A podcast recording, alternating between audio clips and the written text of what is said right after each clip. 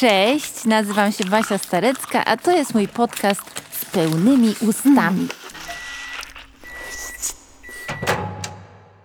Miałam wielką tremę, jeżeli chodzi o makijaż dzisiaj, bo ja, jest, ja mam dwie lewe ręce. Ja ledwo opanowałam sztukę y, malowania rzęs, a pewnie y, dowiem się niedługo, że absolutnie źle to robię, bo oni ciągle nam mówią, że coś źle robimy i okazuje się, że to w ogóle nie od lewej, tylko od prawej. Mm, Y, Więc mam jakiś tam swój sposób na tę rzęsę, a ona jest w ogóle, po tatusiu mam takie świetne rzęsy, że one są białe, rosną wprost, a nawet się zaginają w drugą stronę, czyli nie w to, co, co chcemy.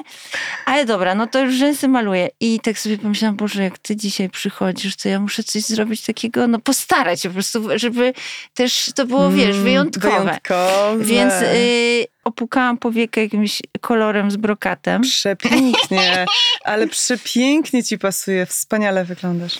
Mi się podobają kobiety, co mają tylko żuchwę i tylko kości policzkowe. Wiesz, że, wiesz o co chodzi, że to po prostu ona idzie i z daleka widzisz od razu żuchwę jeszcze przed resztą ciała. Są takie instrukcje, jak sobie to zrobić, dorobić jakimś Mhm. cieniem właśnie coś.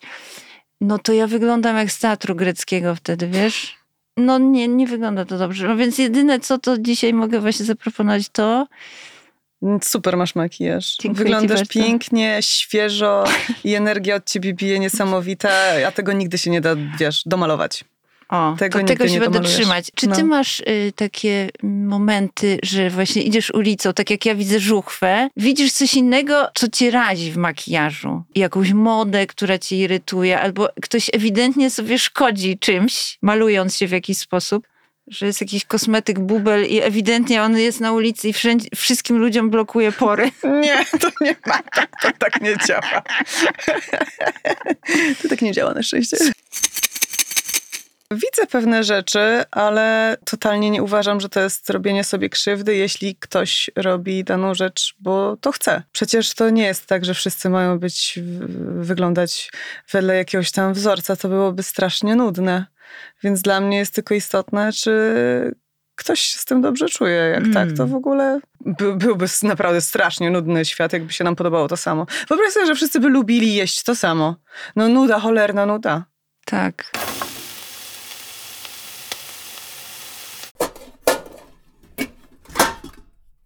Powiedziałeś, Tak. że na deser jadasz owoce. Kocham owoce. Naturalny cukier.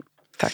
I najpierw myślałam, że może zaproponuję ci jakąś egzotyczną paletę słodkich, owocowych smaków, bo Mhm. smaki Azji są mi bardzo bliskie i wiem, że tobie również. Też lubię, tak. A później sobie pomyślałam, kurczę, po co tak daleko kombinować i znowu kupować coś, co jest z końca świata, skoro ja mam swoje własne osobiste źródełko owocowych Mm. przyjemności. I to są jabłka i gruszki, które przyjechały z Podlasia.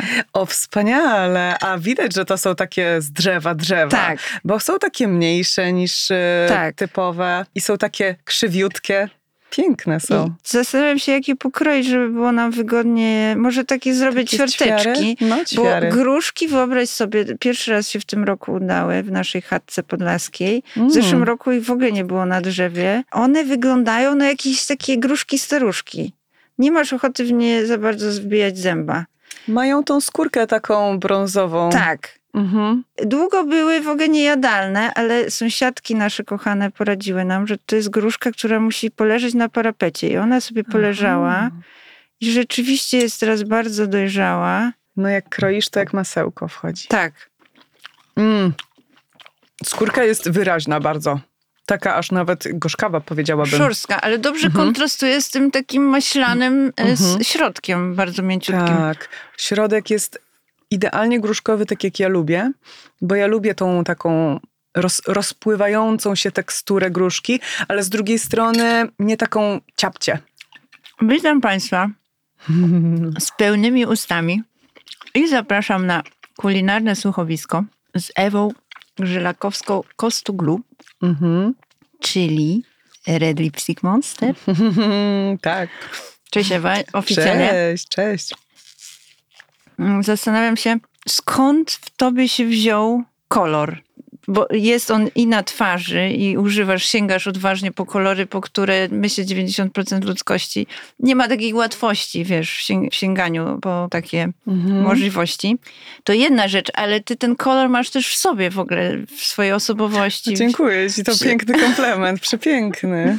Powiem ci, że zawsze mnie tak ciągnęło, od kiedy pamiętam. Zawsze byłam bardzo twórczą osobą, zawsze lubiłam coś robić rękoma.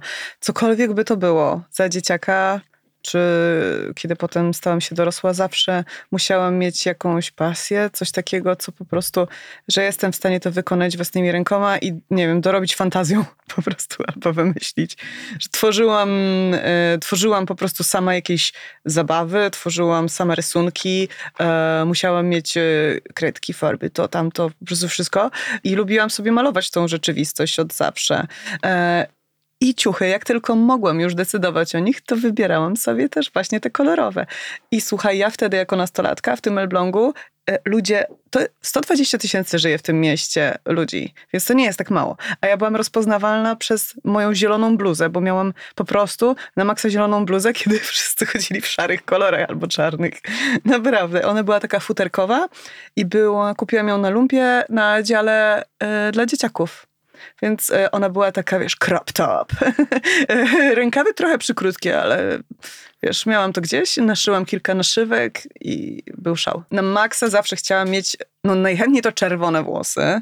Teraz mam taką perukę, więc super, ale e, marzyłam, żeby mieć chociaż rudę, więc wtedy sobie farbowałam taką szamponetką, więc moje blond włosy miały taki odcień rudawy i słuchaj, wiesz, te rude włosy z tą zieloną bluzą, ja się czułam najlepiej na świecie. Najlepiej. To był pierwszy taki ciuch, że kupiłam sobie sama z własnej woli, ubierałam go i sobie myślę, tak jest, to, to, to jestem ja.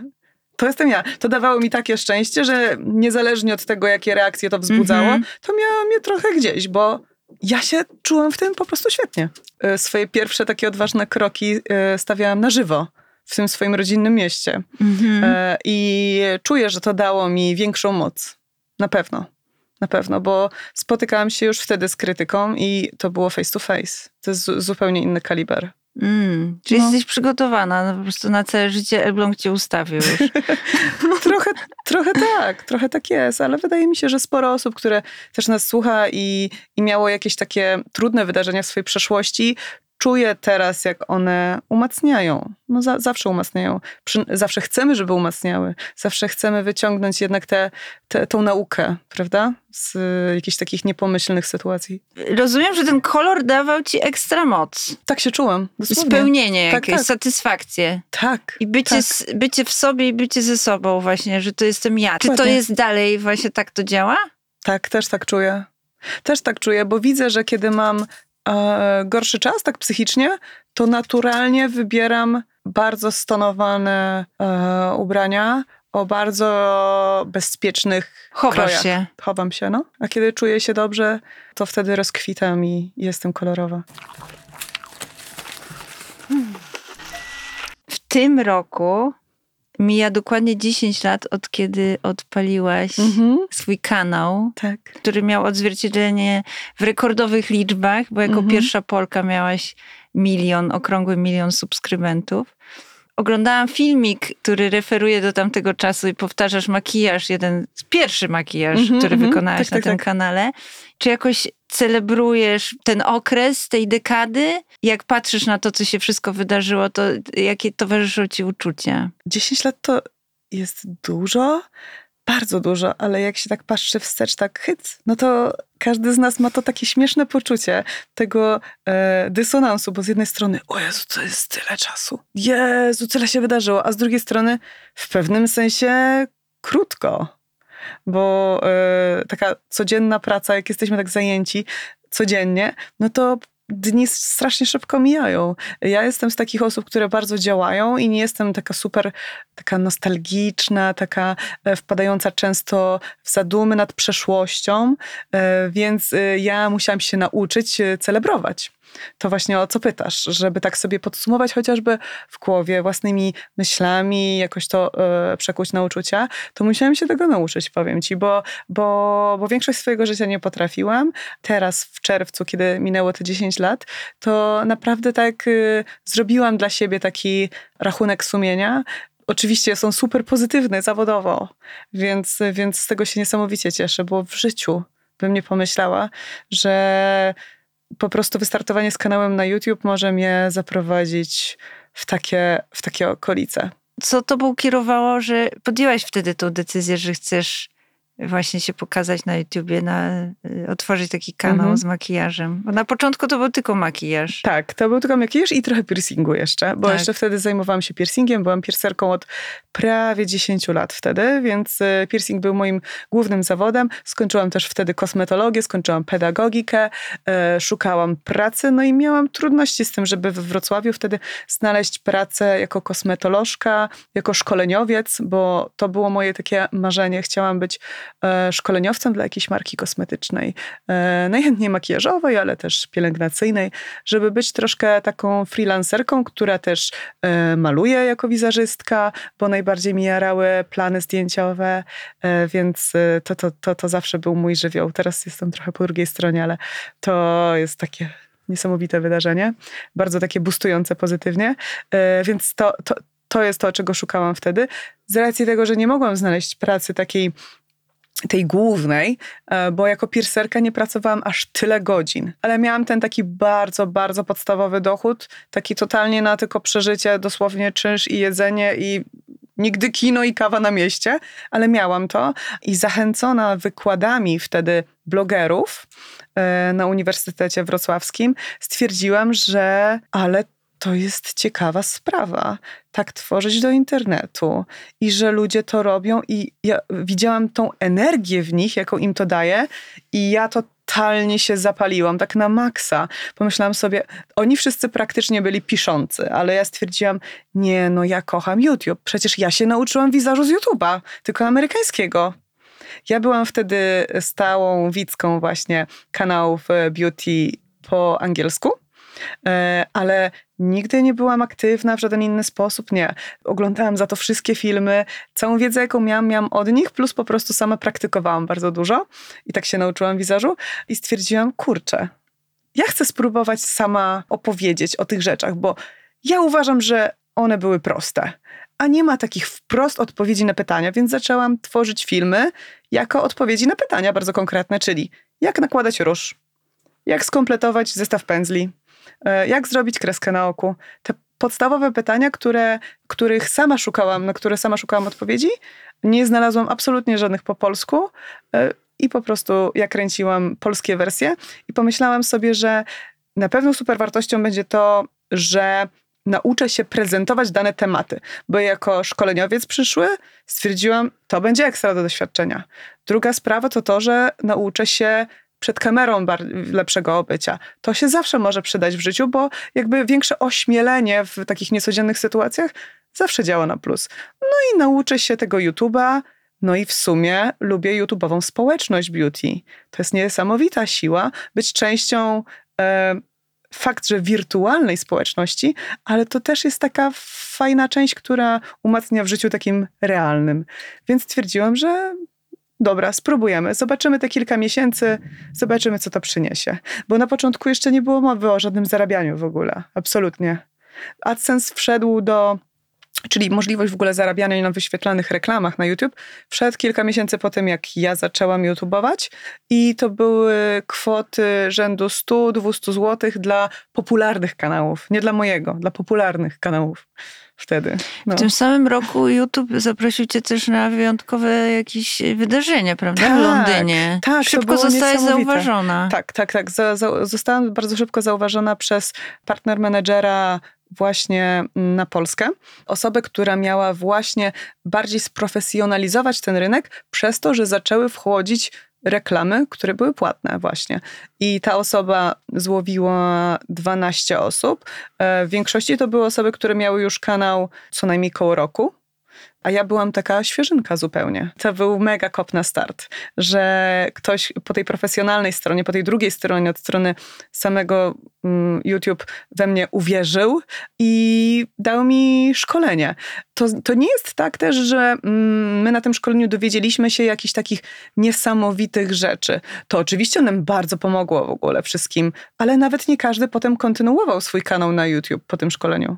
Mimo, że było nas tam 12 osób, to tylko część tak naprawdę potem kontynuowała e, nagrywanie filmów, część w ogóle zrezygnowała z tego e, zupełnie. Czy to, co opowiadasz, że starałaś się dać odpowiedź na takie podstawowe pierwsze pytania właśnie dla takich osób jak ja, które walczą z tą zakrzywioną rzęsą, hmm i nie są w stanie narysować właśnie kreski. To był jakiś taki bardzo popularny film, prawda? Tak. Jak ty uczyłaś tą kreskę tak. słynną. Tak, ta kreska na oku rysować. była moim takim pierwszym hitem, naprawdę. To y, stanowiło ten klucz do tej popularności, myślisz, z perspektywy czasu? Tak, myślę, że tak.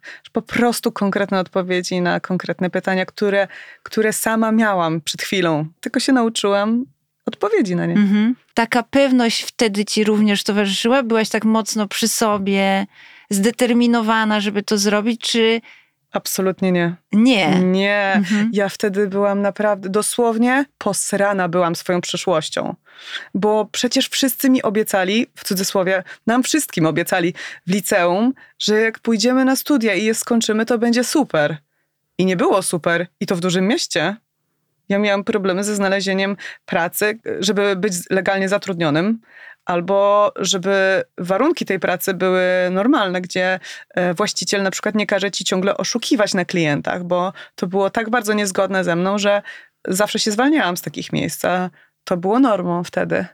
Ja się bardzo bałam o swoją przyszłość, ale e, wiedziałam, że e, w pewnym sensie mm, zrobiłam, doszłam do, do ściany, bo ja już wszędzie, gdzie się dało, złożyłam CV przez ostatnie cztery miesiące ono już tam jest. Jakby byłam na tych rozmowach, próbowałam tych wszystkich rzeczy e, i przez te kilka miesięcy byłam cały czas bez głównej takiej pracy. E, właśnie żyjąc e, dzięki temu piercingowi, dzięki temu, dzięki temu, że też z Wojtkiem razem zamieszkaliśmy, to też zmniejszyło koszt naszego życia na pewno. On mnie super zachęcał i zawsze był wsparciem i myślę, że to też on i jego wsparcie jest bardzo dużą częścią tego mojego sukcesu i mojej wytrwałości, bo myślę, że jak ta druga najbliższa osoba zaraz przy tobie kibicuje ci tak pozytywnie i mówi, że tak, jak, jak, ten, jak twój pomysł sprawia ci radość, to go rób, ja jestem z tobą.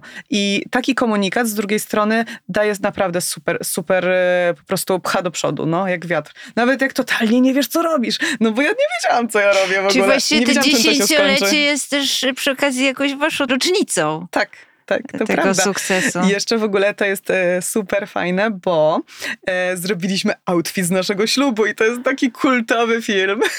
Jest totalnie jakby słodko-cringe'owy teraz, no bo wiesz, to 10 lat temu było, ale wspaniale mi się go ogląda i moim widzom, którzy są ze mną od dawna też, no bo e, bu, byłam naprawdę taka bardzo taka, y, no szukałam bardzo mocno siebie. Cieszyłam się bardzo, że znalazłam miłość swojego życia. To dawało mi mega wsparcie. Właśnie wtedy przedstawiałam Wojtka i pokazałam ludziom outfit na nasze wesele. I to po prostu jest mega urocze i piękne. I to był, y, no to było po, po kilku miesiącach, od kiedy wystartowałam z kanałem. Tak. Hmm. Więc całkiem szybko. Zawsze uważałam, e, to, że spotkała mnie taka popularność za niesamowity przywilej.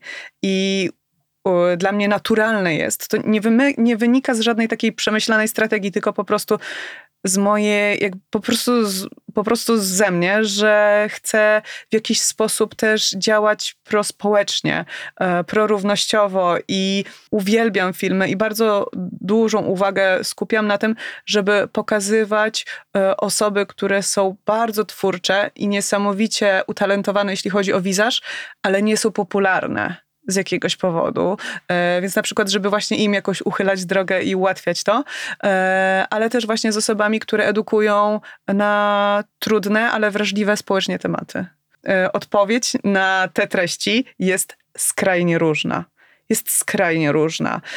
Celowo też nie robię tych filmów bardzo często, bo z jednej strony to nie jest moja korowa działalność, a z drugiej strony ja chcę, żeby te filmy były usłyszane. Bo kiedy przychodzisz do kogoś na kanał i masz od niego rozrywkę i edukację, tak jak u mnie, a nagle tutaj ktoś ci wkłada trudne tematy. Niewygodne. I, to, to, I robi się niewygodnie, robi się niefajnie, więc ich częstotliwość musi być właśnie taka mniejsza, bo wiem, że dzięki temu one dotrą lepiej. Ale to jest dla mnie niesamowicie ważne. Od zawsze było.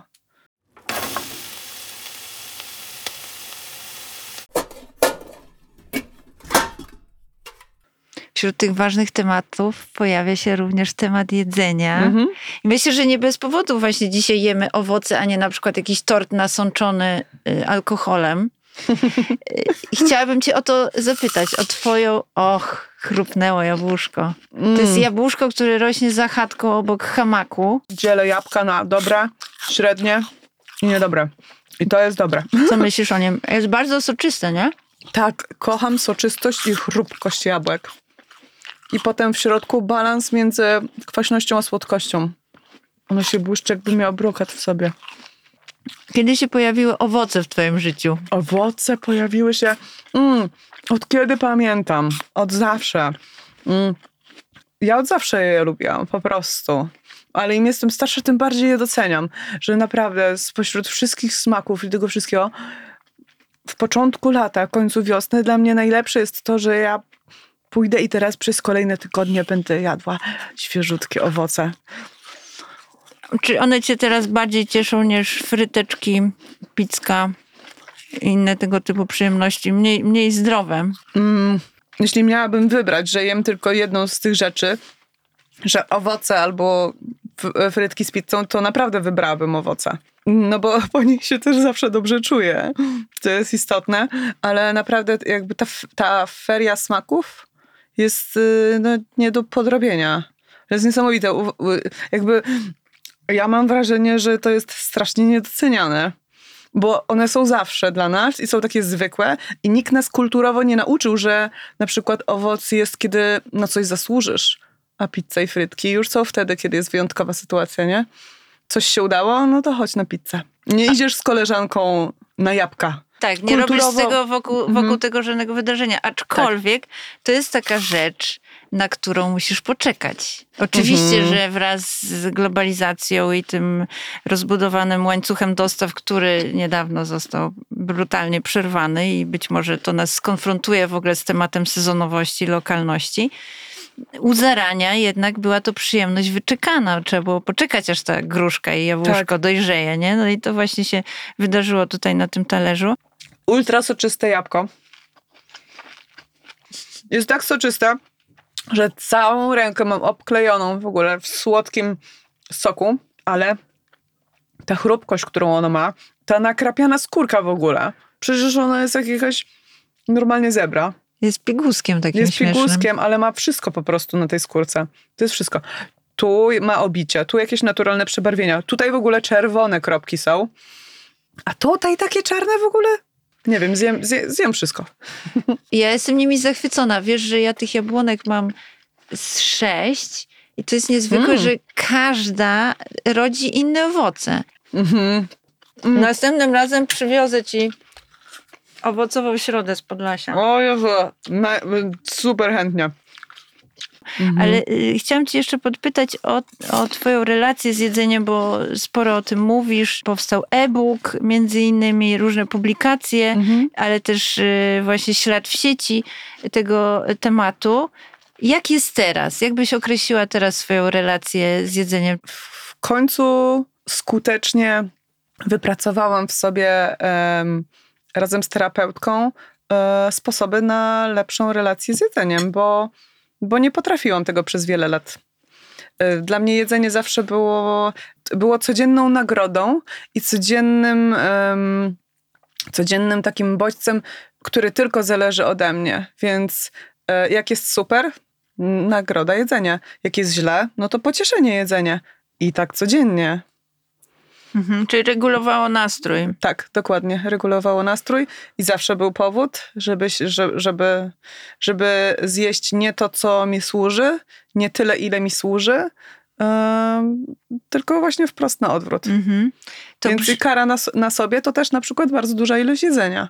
Więc wszystko, wszystko. A, czyli no. też w taki wszystko, agresywny sposób. Też. Tak, mm. tak, tak, tak, tak. To, to brzmi jak właśnie takie pole do ćwiczenia z uważności, bo wyobrażam mhm. sobie, że Wystarczy chwila nieuwagi. Tak, tak, tak. Nawet tak. po tej pracy, którą wykonałaś, prawda? To dokładnie jest tak, jak Coś, mówisz. Coś, jakaś mgławica mhm. nachodzi na mózgownicę i, I już, i już się tak. zapomina. To, to jest tak. jak z siłownią. Chwila przerwy, mięsień zanika. To nie to jest prawda. tak, że to zostaje z nami na zawsze. Jest tak, bo jak tylko się zmienia sytuacja, no to musisz znowu w każdej nowej sytuacji bardzo świadomie działać i swoją energię wkładać e, w ten proces. Czyli na przykład nie w spotkanie, tylko żeby pamiętać o, o jedzeniu, żeby nie jeść nawykowo. To, co było dla mnie trudne, bo też podejmowałam ten temat, pracowałam nad nim, to konteksty społeczne. Ja mm. bardzo doceniam instytucję stołu, że, że jedzenie łączy i pozwala nam się spotkać na gruszkę, tak. ale że jest coś takiego w tym y, niezwykłym fenomenie stołu, że tworzymy przy nim społeczność i podłączamy się nawzajem do siebie. To znaczy, trudno jest bardzo zostać przy sobie uwagą, żeby nie ulec temu y, ogólnemu wyborowi. Jest coś takiego w nas, jak z tym kolorem, i tą interwencją na ulicach, że jeśli ktoś przy stole wybiera coś innego niż my, to nas to jakoś niepokoi. Dopytujemy się, dlaczego on nie je tego samego co my. Wiesz, wszystkie jakieś odstępstwa, inne wybory powodują zainteresowanie w najlepszym przypadku, a w najgorszym właśnie jakieś takie wymuszanie. Dlaczego, a dlaczego ty jesz tylko kawałek? A dlaczego nie jesz deseru? Z mhm. nami nie zjesz, de- mhm. wiesz, coś tak, tak takiego. Tak, tak, Pojawia tak, się jakaś presja. Czy to był dla ciebie jakiś temat y, kiedyś? E, tak, nie, nie, nie był to dla mnie najtrudniejszy aspekt, bo dla mnie najtrudniejsze e, jest e, złapanie samej siebie na, tej, na, tym, na tym, że wyciągam tą rękę i pakuję do buzi kompletnie bez, bez namysłu. Tak kompletnie bez namysłu. Ale przez to, że mm, ja, kiedy byłam nastolatką, stwierdziłam, że nie chcę jeść mięsa, to miałam długą walkę i to była moja pierwsza. To była pierwsza moja taka poważna, samodzielna decyzja. Miałam wtedy jakieś 14-15 lat. To była pierwsza taka autentycznie walka z moją rodziną, na którą oni się nie zgadzali i e, robili naprawdę wszystko, żeby mi, że, żebym ja zmieniła e, to zdanie, a ja naprawdę wytrwałam. Więc to też mnie w pewnym sensie mnie zmęczyło jako tak młodą osobę i powstała we mnie taka, taka niezgoda na niezgadzanie się z, mo- z decyzją, kiedy ona dotyczy tylko mnie. Więc, y, więc to też bardzo mocno mnie w tym kierunku tak y, ukształtowało i ja tą walkę poczułam na sobie, bo to trwało latami w ogóle. To nie, nie było tak, że tam miesiąc rodzice stanowili opór, a potem dobra, tam w ogóle tu już ci robimy kotlety sojowe, tylko, tylko to naprawdę było hardkorowe, bo y, od przemycania mi mięsa do jedzenia po nie dawanie mi jedzenia więc ja na przykład za swoje kieszonkowe albo zarobione pieniądze, no kupowałam sobie jedzenie, ale też jako ta czternastolatka nauczyłam się gotować, bo mama mi powiedziała, że nie dostanę jedzenia w takim razie. A ja nie chciałam tego zrobić w sposób byle jaki, czyli nie wiem, jeść yy, chleb z czymś tam, bo ja też to zrobiłam na podstawie wiedzy takiej, że muszę to zrobić w konkretny sposób, żeby to było bardziej zdrowe. I miałaś takie rozkminy mając 14 lat, na no. wieku nastoletnim? No, no. A skąd czerpałaś wiedzę o tym? Bo wtedy nic nie było, nie było internetu. Było mało, to prawda, tak. ale natknęłam się na ludzi, którzy właśnie nie jedzą mięsa i na książki tego typu. Były pierwsze chyba polskie takie publikacje, ale ja też dobra wtedy byłam w angielskim, więc czytałam anglojęzyczne Widziałaś rzeczy. więcej. Tak, tak, tak. A dlaczego w nich była taka silna potrzeba y, tego konserwatywnego modelu? Dlaczego oni ci nie pozwalali? Jak to tłumaczysz z dzisiejszej perspektywy? Eee, bo wtedy uważali, że robię źle. To, że y, myśleli, że robię źle, w, wynikało z martwienia się, ale już na pewno nie wynikało z tego potem. Y, wieloletnie dręczenie mnie przez moją rodzinę w ogóle, że, że, jestem ta inna, jestem ta dziwna, jestem ta no dosłownie gorsza, bo nie jem tego mięsa, bo wydziwiam, bo robię problemy, bo jakby no, no wszystko, jakby tak jak masz każdy argument, to dawaj, rzucimy. tak. Obśmiewanie. No, no, wszystko jakby, każda technika.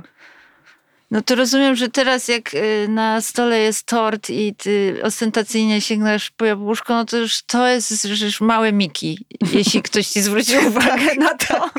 Tak, tak, Po tak, takim tak. treningu w dzieciństwie. Tak, tak, tak. Ale to jest niesamowite, ile y, wydarzało się w, Mhm. u zarania twojego życia, y, takich rzeczy, które tak bardzo cię zbliżały do siebie Mhm. y, i umacniały twoją relację ze sobą i takie stawanie za sobą. Tak. Ja jestem totalnie spokojna na ciąg dalszy. Myślę, że to po prostu jedziesz jakimś highwayem w stronę wielkiej nirwany. No mam nadzieję, tak, tak, tak, tak. Słuchaj, możemy jechać razem. Ja cię zabieram do Mamy mojego wagonika. prowiancik. Mamy prowiancik, jeszcze zostało nam pół gruszki, jedno jabłuszko i ciuch, ciuch.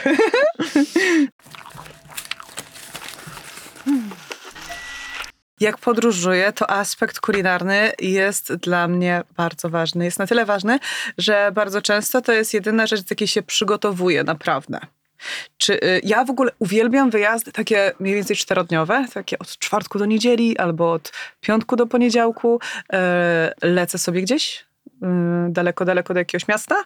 Jedyną rzeczą, którą wiem, którą znam, jest naprawdę tylko i wyłącznie jedzenie, więc pod względem właśnie jedzenia i lokalnego, i jedzenia bezmięsnego jestem zawsze ultra przygotowana. Wszystko jest polubione, są serduszka postawione, jest nawet gradacja gdzie, jak i po co. E, Mój mąż Wojtek z kawy się tak przygotowuje, bo on dobrze przygotowuje właśnie tą część, ja tą jedzeniową i e, no tak, żeby chodzić bez skuchy.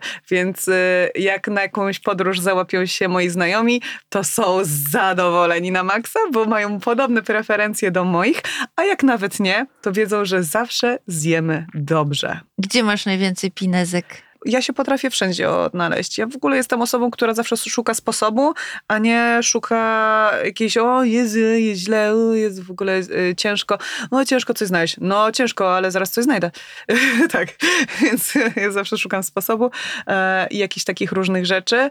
Mm, Bardzo też lubię wspierać knajpy, które po prostu nie podają mięsa. To też zawsze, jeśli mam wybór... E, y, Zwykła mięsna lub bezmięsna, Mhm. to zawsze wybiorę tą bezmięsną, bo wolę tam zostawić swoje pieniądze. Więc A y, pamiętasz super. miejsce, w którym właśnie było jakoś wyjątkowo ciężko, że tylko Ciężko? parówki na O przykład? Jezu, y, Tokio. Tokio było bardzo ciężkie. Bardzo ciężkie. Ale w Korei już sobie bez problemu poradziłam i o Jezu, muszę to powiedzieć, bo znalazłam dwa miejsca, gdzie mają temple food, czyli jedzenie świątynne. I ja nigdy w życiu nie jadłam takiego trawska czy liści, chociaż ja je jem na co dzień, e, jakby dla mięsożerców, tak, e, które tak smakowały, a były przyprawione tylko czasem. Czyli w sensie czas je przyprawił, czyli od leżenia w jakiś sposób one nabrały smaku. Czyli na przykład coś zostało ukiszone, albo jest tylko w połowie drogi do ukiszenia, albo no, tam w Zamarynowane. Jakieś takie marynowane, bez użycia przypraw takich tradycyjnych.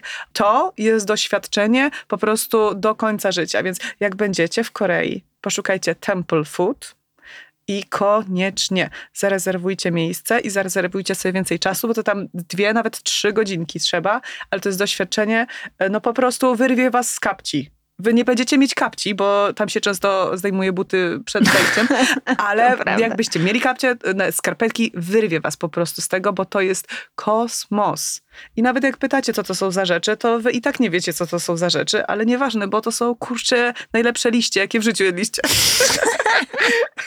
Ale to zjawisko w ogóle tej kuchni buddyjskiej, kuchni świątynnej Mhm. możemy zaobserwować w całej Azji i takich adresów właśnie poszukać odpowiednio wcześniej. Masz rację, Koreańczycy Tak. y, no, doprowadzili do perfekcji, do perfekcji na przykład marynowanie młodych pędów paproci. One są Mm. przypyszne. I tak jak my jesienią chadzamy na grzybobranie w różnych Mhm. konfiguracjach rodzinnych, towarzyskich albo solo, tak Koreańczycy Na paprocie chodzą? Chodzą na paprocie wiosną No z koszyczkami nie. do lasu. Ale u nas by to było successful. My mamy sporo paproci w naszych lasach. Tak, zdaje się, W że one są musisz, chronione. Nie, no ty musisz, musisz w ogóle o tym jakby zrobić całe coś więcej, bo to w ogóle jak to zrobić i w ogóle, i czy można, no właśnie, tak jak mówisz. Czy można, czy A ona może nie jest z takiej paprotki, co w domu rośnie. Właśnie, może można. zróbmy jakąś nową świecką tradycję, że Tak. co wiosnę i takie trzeba przyciąć. Może coś można zrobić w Mhm. związku z tym, z tym pędem.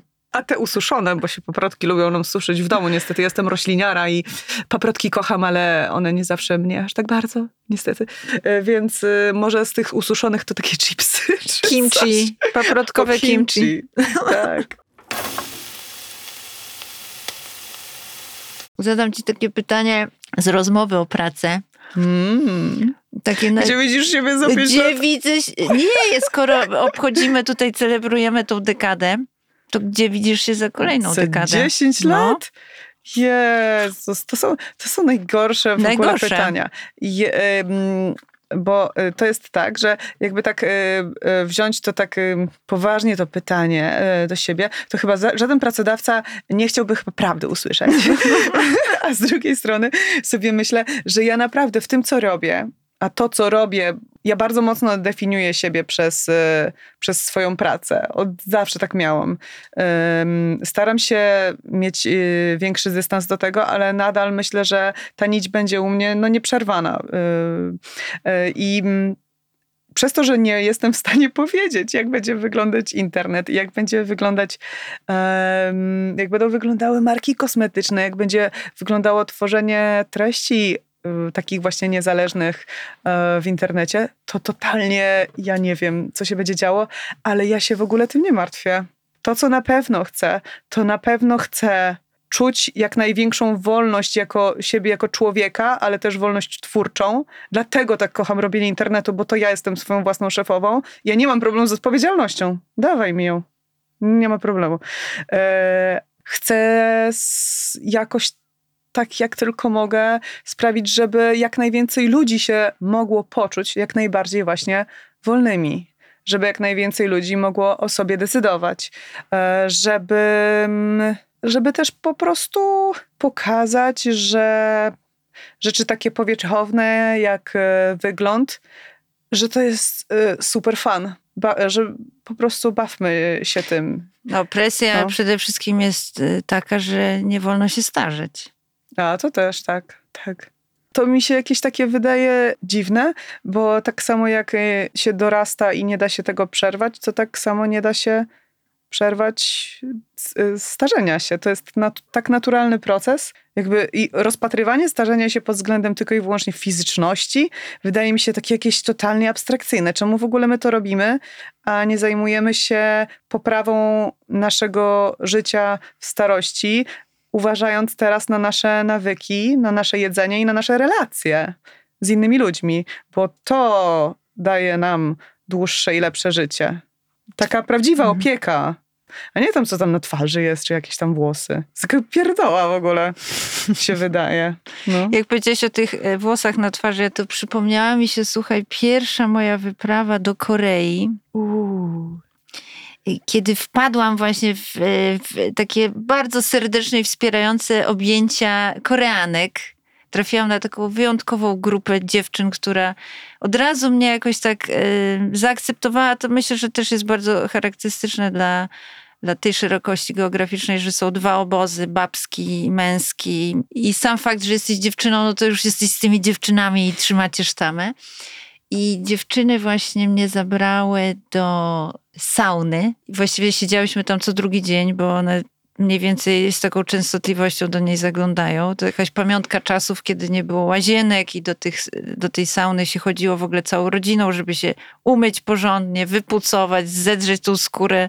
Mają taką rzeczywiście kulturę pielęgnacji mocno czyszczącą. Pamiętam, że dziewczyny obserwowały mnie z wielką ciekawością i oczywiście je też, jak bardzo się różnimy takim fizycznym e, aspekcie, ale jak różnią nas podejścia do tematów pielęgnacji. Pamiętam taką jedną z ich pierwszych refleksji, włosy na twarzy. Hmm. Nie, nie, nie sądziłam, nigdy wcześniej mi nie przyszło do głowy, że mogę mieć włosy na twarzy. Okazało się, że ja je mam.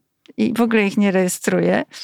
I dziewczyny wręcz, y, no oczywiście to nie było tak y, powiedziane w takim tonie, że powinnam coś z tym zrobić, ale y, zasugerowały, że no właśnie one się poddają takim zabiegom, które służą usuwaniu tego meszku. Pierwszy raz widziałam, że rzeczywiście są takie bardzo tradycyjne zabiegi usuwania tych włosków za pomocą nici i pudrowania. Hmm. Ja się wtedy namaczałam i nagrzewałam w tych saunach, a dziewczyny właśnie pucowały y, twarze. I teraz, skoro już jesteśmy przy tej anegdocie azjatyckiej, zastanawiam się, podpytam cię, czy coś z tych trendów azjatyckich widzisz trafia do nas, do, przedostaje się do naszej kultury pielęgnacji, czy coś do nas dociera? Mm, tak, jak najbardziej. Szał na pielęgnację koreańską był u nas kilka lat temu i myślę, że to, co pozostało z niej, to to, mm, to najgłośniejsza rzecz, czyli ta wieloetapowość. Mówiło się wtedy o dziesięciu krokach i tak dalej. To było trochę abstrakcyjne, co zresztą same osoby, które te kroki w cudzysłowie wymyśliły, e, też powiedziały, dobra, dobra, to jest takie, takie no to, my to tak rzuciliśmy, to to nie jest aż tak, nie? Jakby to nie jest tak, że każdy taki w ogóle. Ale to, że są etapy, które mają swoją kolejność, e, myślę, że zostało. I to jest pozytywne, bo one pielęgnacyjnie, fizjologicznie dla naszej skóry powinny być e, w bardzo konkretnej kolejności, żeby tej skórze jak najlepiej służyły. Więc najpierw powinniśmy zmyć makijaż, potem skórę oczyścić, czyli to, e, zmywa, e, to oczyszczanie po całym dniu powinno być dwuetapowe, bo najpierw demakijaż, a potem właśnie oczyszczanie. E, potem, śmiało gryźć, tak? E, potem e, powinnyśmy powinniśmy skórę stonizować, to przywraca jej pH, ale też ją uspokaja, bo taka oczyszczona skóra czuje się kompletnie naga, nie ma na niej tych złych rzeczy, ale też nie ma tych dobrych, które skórę chronią, które naturalnie skórę nawilżają i uelastyczniają. Więc yy, przywracając jej pH tonikiem, właśnie ją uspokajamy i dajemy jej to, to, tą podstawową taką barierę, mówimy, dobrze, tutaj masz tą kołderkę taką w cudzysłowie i, i, i już możesz sobie lepiej funkcjonować. I kiedy na to nakładamy serum i krem, albo po prostu krem, czyli takie trzy stopnie, oczyszczanie, tonizacja i yy, nawilżanie, yy, to ona może funkcjonować po prostu dobrze. I też długo być młoda. to wraca. Bo tak naprawdę nie masz czegoś takiego jak przeciwstarzeniowe yy, kremy. Jakby ten efekt, to jest taki efekt ale przeciwstarzeniowy. Chodzi po prostu, że skóra, chodzi o to, żeby była zawsze oczyszczona i nawilżona. Nawilżenie daje skórze efekt, wrażenie, że jest dłużej młoda to, to jest to, czego zawsze szukamy. Tylko marketingowo zostało to nazwane i pogrupowane w, no, na różne i wytworzone potrzeby takie po prostu, tak. Żebyśmy chciały na różnych etapach życia inne rzeczy, żeby nasze półki kosmetyczne były wielkie i żeby w kółko coś nowego powstawało. Czyli znowu po prostu jesteśmy manipulowane i trochę oszukiwane. No kapitalizm niestety na tym polega, na, na ciągłym zysku. Co jest takim najbardziej przecenionym kosmetykiem, jakbyś miała spojrzeć na tą półkę w przeciętnej drogerii? Co się nam najbardziej wkręca, a czego właściwie nie potrzebujemy? Produktów na pewno wysuszających, jeśli nasza skóra jest przetłuszczająca się. To robi odwrotny efekt. Yy, zwłaszcza mocnymi środkami na alkoholu, to ona buntuje się i jeszcze bardziej się przetłuszcza, no bo musi to wszystko nadrobić. O Boże, zabierają mi to ta bariera hydrolipidowa jest totalnie zaburzona, więc y, świeci się jeszcze bardziej, bo gruczoły łojowe muszą jeszcze więcej wyprodukować łoju, no bo przecież jest za, za, zabierane to wszystko, co ono naprodukuje. I takie jest błędne koło i przez co też na przykład trądzik też się zwiększa. Nie tylko świecenie się skóry, taki po prostu zewnętrznie, no ale też y, trądzik, bo trądzik jest bardzo mocno związany z gruczołami właśnie łojowymi, z ich pracą. Tak, no to mogę tylko potwierdzić, nie mam takiego wykształcenia jak ty i tyle doświadczenia, ale potwierdzam to z własnego experience'u, że mm. dokładnie w liceum to się wszystko wydarzało, że mm. następnego dnia było jeszcze tego więcej. Jeszcze gorzej, tak. Na, na dosyć przysuszonym podłożu. Jakieś mm -hmm. Chore, no, że na suchym coś tłustego dalej rosło. Tak, tak, tak. A jakbyś miała powiedzieć o make-upie, -hmm. Czy ma sens zastanawianie się, który tusz, o, dla takich osób, e, znowu odpowiedź na moje osobiste pytanie. Czy ma sens poszukiwanie jakiegoś tuszu idealnego? Czy właściwie wszystko to jest to samo, tylko ma inne opakowanie? E, z tuszami jest tak, że to jest super indywidualna sprawa. Podobnie jak e, z podkładami, kremami BB. Czyli to, co chcemy, żeby nam wyrównało kolor na skórze, to jest ultra indywidualne. Oczywiście, że są bardziej y, znane produkty i mniej, i takie, które częściej pasują ludziom, ale to nie znaczy, że one są po prostu rewelacyjne i u każdej osoby się sprawdzą, bo nasze potrzeby są zupełnie inne. Nasze skóry są zupełnie inne i to, jak chcemy, żeby skóra wyglądała, też y, po prostu zupełnie inaczej to definiujemy. Ładną skórę definiujemy zupełnie inaczej. Każdy człowiek definiuje. E, a jeszcze jak e, połączymy to z właściwościami naszej skóry, e, gdzie jest jaka, jaka jest na policzkach, jaka jest na brodzie, czy i na ile mamy przebarwienia, na ile my je chcemy w ogóle zakrywać, bo przecież nie trzeba, halo w ogóle, to, to w ogóle jest, to tylko zależy od naszego widzimisię, no to, no to działa to różnie. Warto poeksperymentować z różnymi szczoteczkami. Jeśli chodzi o tłuszcz, no i kwestia formuły. Są różne formuły, niektóre bardziej się osypują, niektóre trochę mniej, e, odbijają się bardziej lub mniej. I jak to już dostosujesz do siebie, to jest kwestia tak naprawdę już potem techniki tuszowania i tego, co z nimi zrobisz. Czy na przykład możesz sobie raz na, nie wiem, dwa miesiące chodzić na laminację rzęs, czyli takie, można powiedzieć, trwałą na rzęsy, że one ci się, będziesz miała je podwinięte do góry i nie będziesz musiała na przykład tym się zajmować mocno, bo potuszujesz rzęsy, one naturalnie będą po prostu skierowane fajnie ku górze. Czy na przykład będziesz chciała używać zalotki lub jakichś takich rzeczy, albo po prostu wszystko olejesz. Właśnie, przecież można zrobić można tak. wszystko olać. Ja Pamiętajmy o tym. Słucham, y, jest to bardzo inspirujące, co mówisz, bo y, jestem wielką orędowniczką wolności, takiej swobody swobody, właśnie, żeby mhm. stać przy sobie, ale nigdy jakoś tego nie wiązałam z tymi tematami, a można w ogóle z tego zrezygnować. Tak. Ja widzę, że y, no, to się w czasie zmienia i myślę, że nie jestem jedyną kobietą na świecie, która obserwuje w sobie coś takiego, że chce się coraz mniej tego nakładać na twarz. Hmm. No, przypominam sobie takie okresy w swoim życiu, właśnie jakichś takich y, pierwszych dorosłych lat, kiedy ja się malowałam idąc po bułki. Dzisiaj tego nie robię. I wtedy, jak patrzyłam na starsze kobiety na ulicy, sobie myślałam, one są zaniedbane. Hmm. Wiesz, tak bardzo krytycznie, że odpuszczają w tych kategoriach. A hmm. dzisiaj sobie myślę, że właśnie to jest wspaniałe, że ja mogę odpuścić, że ja nie muszę. Hmm. Nie muszę robić sobie tej sztachety, y, żeby wyjść po bułki. Tak, żeby wyjść gdziekolwiek. W ogóle. No właśnie, tak. bo niekoniecznie po bułki. Może, tak. może pójdę wręcz do teatru.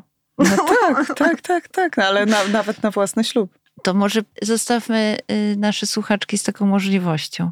Tak jest. Wyjścia z gołą twarzą tak. na świat. Tak.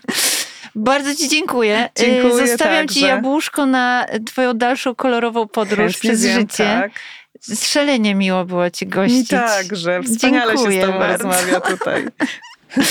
Pamiętajcie Państwo, życie jest za krótkie na złe jedzenie mhm. i warto je przeżyć z pełnymi ustami. Zdecydowanie. Do usłyszenia w kolejną niedzielę.